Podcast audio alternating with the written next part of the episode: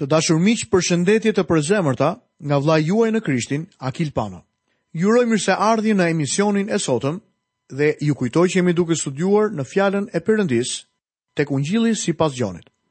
Sot do të vazhdojmë studimin tonë mbi kapitullin e katërmbëdhjetë në Ungjillin sipas Gjonit dhe do të lexojmë menjëherë nga vargu i dhjetë. Jezusi u drejtohet dishepujve me këto fjalë. A nuk beson se unë jam në Atin dhe se Ati është në mua?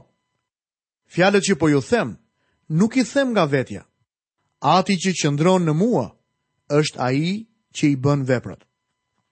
Jezusi këtu nënvizon dëshminë e fjalës dhe të veprës të tij. Ato janë të njëjtat. Njëra është e barabartë me tjetrën. Fjalët dhe veprat e Jezusit ishin në përputhje perfekte me njëra-tjetrën. Problemi ynë qëndron me sinkronizimin e fjalëve me veprat tona. Ne bëjmë deklarata të jashtëzakonshme, japim dëshmi të lavdishme, por asnjë nga ne nuk jeton një jetë të përsosur. Kjo është arsyeja pse çdo i krishterë duhet të ketë një kohë personale rrëfimi. Ashtu siç e pamë dhe në kapitullin e trembëdhjetë të Gjonit, Jezusi thotë se duhet të na lajë në mënyrë që ne të kemi miqësi me të. Shumë të krishterë e humbasin miqësinë me Zotin për shkak se mendojnë se janë të drejtë, por fjalët dhe veprat e tyre nuk janë të vazhdueshme. Kjo gjë duhet të rrëfehet. A keni vënë re se Zoti Jezus nuk i referohet asnjëherë mendjes apo vullnetit të tij për të marrë një vendim? Jezusi tha: "Fjalët që po ju them, nuk i them nga vetja. Ati që qëndron në mua, është ai që i bën veprat.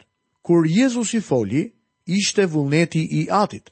Të gjitha veprat e tij ishin vullneti i Atit. Kështu që Jezusi i thotë Filipit se kur dëgjon fjalët e tij, po dëgjon fjalët e Atit dhe kur shikon veprat e Jezusit, veprat e tij, po sheh Atin të punojë përmes Jezusit.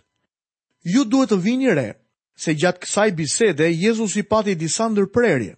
Në fillim ishte Pjetri, pastaj Thomai dhe tani Filipi. Por Jezusi vazhdon me bisedën e tij deri në vargun e njëzet e dy, ku ndërpritet sërish. Lexojmë më poshtë vargun e njëmbëdhjetë në kapitullin e katërmbëdhjetë të Ungjillit sipas Gjonit. Më besoni se unë jam në Atin dhe se Ati është në mua. Në mos, më besoni për shkak të vetë veprave. Jezusi tha se nëse nuk e besoni për shkak të fjalëve, atëherë besojeni për shkak të veprave të tij. Ato do t'ju bindin. Në të vërtetë, në të vërtetë po ju them.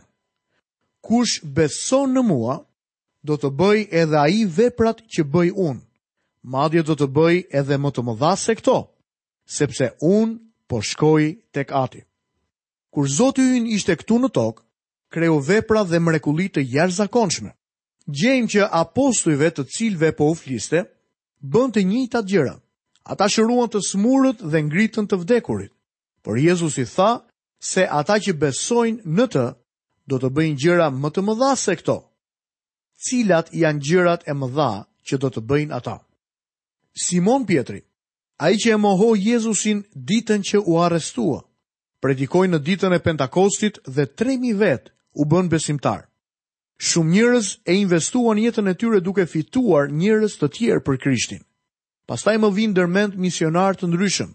Misionarë si George McKee, që shkoi në Uganda, të predikosh një shpëtimtar të kryqëzuar, të ringjallur, të lavdishëm dhe që do të kthehet sërish, kështu që një dëgjues të mund të pranojë Krishtin dhe të rilindet sërish.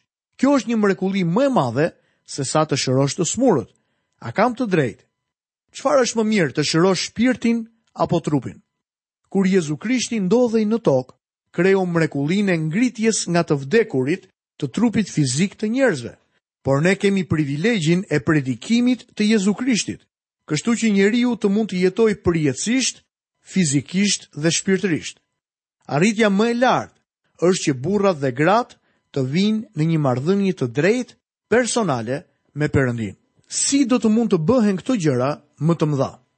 Jezusi tha, sepse unë po shkoj tek Ati. A e shihni? Krishti po punon ende, por sot ai po vepron nëpërmjet instrumentave njerëzorë. Ai punon nëpërmjet argjilës së brishtë njerëzore, mishit njerëzor. Jam i mahnitur që mund të jap një mesazh biblik nëpërmjet radios dhe shumë njerëz të kthehen te Krishti. Miqtë e mi, këto janë gjërat e mëdha.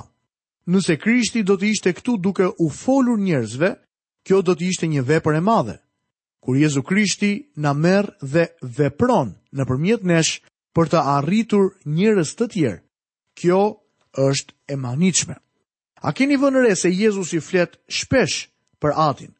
Në këtë pasazh, Ati përmendet 20 herë dhe gjithmonë ai që e përmend është Zoti Jezus. Lexojmë vargjet 13 dhe 14. Dhe çfarë të kërkoni në emrin tim, do ta bëj, që ati të përlëvdohet në Birin. Në qoftë se do të kërkoni diçka në emrin tim, unë do ta bëj. Ai vazhdon duke thënë se këto gjëra më të mëdha janë rezultat i lutjes. Në ditët e sotme, ungjillizimi me anë të lutjes neglizhohet. Jezusi tha, çfarëdo që të kërkoni në emrin tim, do ta bëj. Shpeshherë ky varg është keqkuptuar. Shumë njerëz e kanë kapur këtë varg ashtu siç një qen kap një kockë dhe vrapon me të. Thonë se janë lutur dhe Perëndia nuk i është përgjigjur lutjeve të tyre. Disa të krishterë më kanë thënë se e kanë marrë atë varg në kuptimin formal. Janë lutur dhe Perëndia nuk u është përgjigjur lutjeve të tyre. Pastaj më janë drejtuar mua duke më thënë se ku qëndronte gabimi. U kam thënë se po lexonin diçka në atë varg që nuk ishte fare. Ata duhet të vazhdonin të lexonin. E gjitha kjo është e lidhur në një paketë. Lexojmë më poshtë vargun e 15. Nëse më doni, zbatoni urdhërimet e mia. Le të shohim se çfarë duan të thonë të tri vargjet e mësipërme. Çfarë do të thotë të kërkosh në emrin e Krishtit? Të lutesh në personin e tij do të thotë të qëndrosh në të njëjtin vend ku Krishti ka qëndruar. do të thotë të identifikohesh plotësisht me të, i bashkuar në Krishtin, do të thotë që kur unë dhe ti qëndrojmë përpara Perëndisë, kjo është merita e Birit të tij të bekuar. Ne nuk mund të qëndrojmë dot përpara Perëndisë kështu siç jemi. Ai nuk e dëgjon lutjen time sepse unë jam Akil Pano dhe as tuajën për shkak se ju jeni dikushi. Ai i dëgjon lutjet tona Kur ne vijmë përpara fronit të tij në emrin e Krishtit. Kjo nuk është një frazë e vogël që e ngjisim në fund të lutjes sonë duke thënë në emrin e Jezusit. Të lutesh në emrin e tij do të thotë të paraqitesh për shkak të meritës së tij dhe për lavdinë e tij. Jezusi tha, Do ta bëj që Ati të përlëvdohet në Birin. Një lutje që e bën atin të përlëvdohet në birin, është një lutje që ai do t'i përgjigjet. Kështu që sa herë të lutemi në emrin e Jezusit dhe për lavdinë e Zotit, nuk po lutemi për diçka egoiste, nuk po lutemi për veten tonë, ne po lutemi për të. Po lutemi që Ati të përlëvdohet në birin. Rëndësi ka edhe bindja jonë ndaj Krishtit. Ky premtim u jepet atyre që e duan atë dhe treguesi i dashurisë së tyre është mbajtja e urdhërimeve të tij. Dashuria do të tregohet me anë të bindjes ndaj Krishtit. Një i krishterë i padisiplinuar nuk mund të thotë që e do Zotin Jezus. Po ti mik, çfarë po bën në këtë fushë? A e do ti atë? Apo i mban urdhërimet e tij për shkak se e do? Gjatë një shërbese, një predikues ishte ulur në platformë me një pastor të ri. Një zonjë e re hyri në takim dhe pastori i tha atij se më parë kishte qenë udhëheqëse aktive midis anëtarëve të tij. Pastaj kishte filluar të vraponte pas botës dhe kjo ishte hera e parë që e shihte në kishë pas disa muajsh. Atë natë, predikuesi predikoi mbi këtë pasazh të Shkrimit. Ajo u zemërua shumë dhe pas takimit shkoi për ta takuar dhe i tha, Si guxon ti t'u thuash këtyre njerëzve se nëse do të kërkojnë diçka në emrin e Jezusit, ai do t'ua japë? Ndërsa predikuesi iu përgjigj, Përse nuk ulesh dhe të më flasësh për këtë? Ajo i tregoi atij se para disa muajsh, babai i saj kishte qenë jashtëzakonisht i sëmurë, dhe ndërkohë që doktori ndodhej në dhomën e tij, ajo ishte gjunjëzuar në dhomën e ndenjes kishte shpallur atë premtim dhe ishte lutur në emrin e Jezusit për shërimin e tij. Kur doktori doli nga dhoma e tij, i tha se i ati i saj kishte vdekur. Tani tha ajo, mos më thuaj që Perëndia i mban premtimet. Predikuesi i tha, a e ke lexuar vargun vijues? Nëse më doni, mbani urdhërimet e mia. Pastaj predikuesi më poshtë e pyeti atë se çfarë do të kishte ndodhur nëse do të kishte gjetur një çek të dikujt tjetër dhe do të ishte përpjekur të tërhiqte para duke firmosur emrin e tij. Ajo tha, atëherë do të quhesha falsifikatore. Kështu ai iu referua me këtë varg. Nëse më doni, mbani urdhërimet e mia. Pastaj i tha, a e ke bërë këtë gjë? Në vend që të përgjigjej, ajo u skuq. Pastaj ai i shpjegoi se ajo çfarë po përpiqej të bënte ishte e njëjta gjë si të përpiqej të merrte para nga një çek i dikujt tjetër. Miqtë e mi, të gjithë ne duhet të kuptojmë se bindja ndaj tij është treguesi i dashurisë tonë për Zotin dhe ky premtim i është dhënë atyre që e duan atë. Lexojmë vargjet 16 dhe 17. Dhe unë do t'i lutem Atit, dhe ai do t'ju japë një ngushëllues tjetër që do të qëndrojë përgjithmonë me ju. Frymën e së vërtetës që bota nuk mund ta marrë, sepse nuk e sheh dhe nuk e njeh, por ju e njihni, sepse qëndron me ju dhe do të jetë në ju. Ky është një fakt unik i kohës në të cilën po jetojmë. Shpirti i Shenjtë ndodhej këtu në tokë përpara Pentakostit, por në ditën e Pentakostit erdhi të banonte brenda besimtarëve. Kjo ishte gjëja e re. I Shenjtë dhe Shpirt e përshkruajnë atë, por nëse do të kishte një emër, do të quhej ngushëlluesi. Ky është një emër shumë i përshtatshëm për të sepse do të thotë i forti që ecën gjatë gjithë rrugës me ty. Ai është i forti që banon në ne përgjithmonë. Ai nuk thotë se bota nuk dëshiron ta marrë shpirtin e së vërtetës, por se bota nuk mund ta marrë. O sikur të mund ta mësonim këtë gjë. Shpirti i Perëndisë mund të marrë fjalën e Perëndisë dhe t'ua zbulojë besimtarëve, por njerëzit e pashpëtuar duhet që së pari të besojnë në Jezu Krishtin si shpëtimtarin e tyre. Njeriu i kësaj bote nuk mund ta shohë, sepse shihet dhe adhurohet në shpirt dhe në të vërtetë. Ai mund të shihet me sy shpirtëror. Vetëm me anë të shpirtit të Perëndisë, sytë dhe veshët e njerëzve mund të hapen që të kuptojnë fjalën e Zotit. Shpirti i shenjtë është mësuesi që na drejton dhe na udhëheq në të vërtetën. Pa të, Bibla kthehet në një libër historik, një libër faktesh. Shpirti i Shenjtë na mëson të vërtetat e Biblës. Shpirti i Shenjtë kishte qenë në botë, por Jezusi tha se tani ai do të ishte në ne. Lexojmë vargun e 18. Nuk do t'ju lë bonjak, do të kthehem tek ju. Fjala greke për fjalën bonjak do të thotë jetimë. Jezusi po thotë se nuk do të na lërë jetimë, por që do të vijë tek ne në personin e Shpirtit të Shenjtë. Lexojmë vargjet 19 dhe 20. Edhe pak kohë dhe bota nuk do të më shohë më, por ju do të më shihni, sepse unë jetoj dhe ju do të jetoni. Atë ditë do të mësoni se unë jam në Atin dhe se ju jeni në mua dhe unë në ju. Çfarë do të thotë ai me fjalët atë ditë? Ajo ditë është dita që unë dhe ti jemi duke jetuar. Kjo ditë filloi me Pentakostin. Ju jeni në mua dhe unë në ju. Kjo është deklarata më e thellë e Ungjillit të Gjonit ose e krejt Biblës. Të gjitha ato fjalë janë njërrokëshe në mënyrë që edhe një fëmijë i vogël mund t'i kuptojë. Asnjë filozof nuk mund të zbërthejë thellësinë e kuptimit të tyre. Ju në mua. Kjo është shpëtimi. Të jesh i shpëtuar do të thotë të jesh në Krishtin. Kjo është edhe arsyeja pse Pjetri thotë se ne jemi shpëtuar nga pagëzimi. Pagëzim do të thotë identifikim me Krishtin. Perëndia i sheh njerëzit ose në Krishtin ose jashtë tij. Ose ndodhesh tek ai me anë të besimit, ose jashtë tij me barrën e mëkateve të tua ende mbi vete. Nëse jeni në Krishtin, atëherë qëndroni plotësisht në të. Unë në ju është shenjtërim. Kjo është jeta e krishterë këtu poshtë në tokë. Apo jeton Krishti në ty. Pali tha, unë u kryqëzova bashkë me Krishtin dhe nuk rroj më unë, por Krishti rron në mua dhe ajo jetë që tani jetoj në mish, e jetoj në besimin e birit të Perëndisë që më deshi dhe dha veten për mua. Lexojmë më poshtë vargun e njëzet e një në kapitullin e katërmbëdhjetë të Ungjillit sipas Gjonit.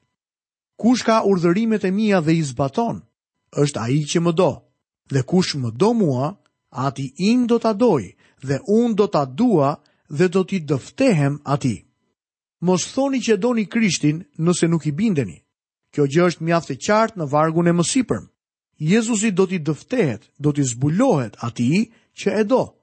Mos mendoni që ky do të jetë një dëftim me anë të një vizioni. Më vonë thotë se Shpirti i Shenjtë do të marrë gjërat nga Jezusi dhe do të na i tregojë. Ku dëftehet Jezusi? Në shkrime. Lexojmë vargun e 22. Juda, jo Iskarioti, i tha: Zot, si vallë do të na dëftehesh neve dhe jo botës? Juda po thotë, Zot është e mrekullueshme të jesh këtu dhe të dëgjosh këto gjëra.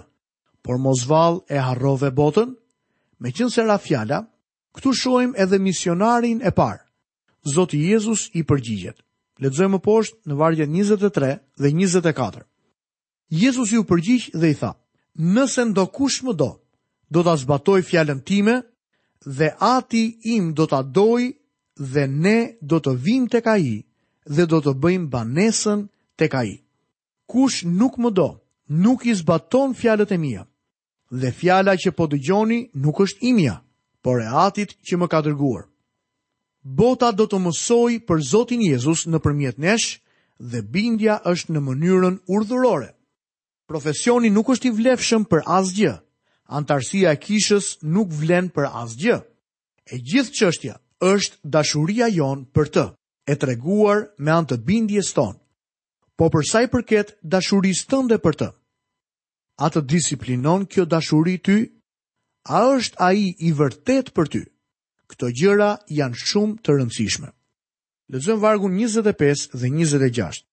Ju kam thënë këto gjëra ndërkaq që jam me ju, por Ngushëlluesi, Fryma e Shenjtë, që Ati do ta dërgojë në emrin tim, do t'ju mësojë çdo gjë dhe do t'ju kujtojë të gjitha këto që ju thashë.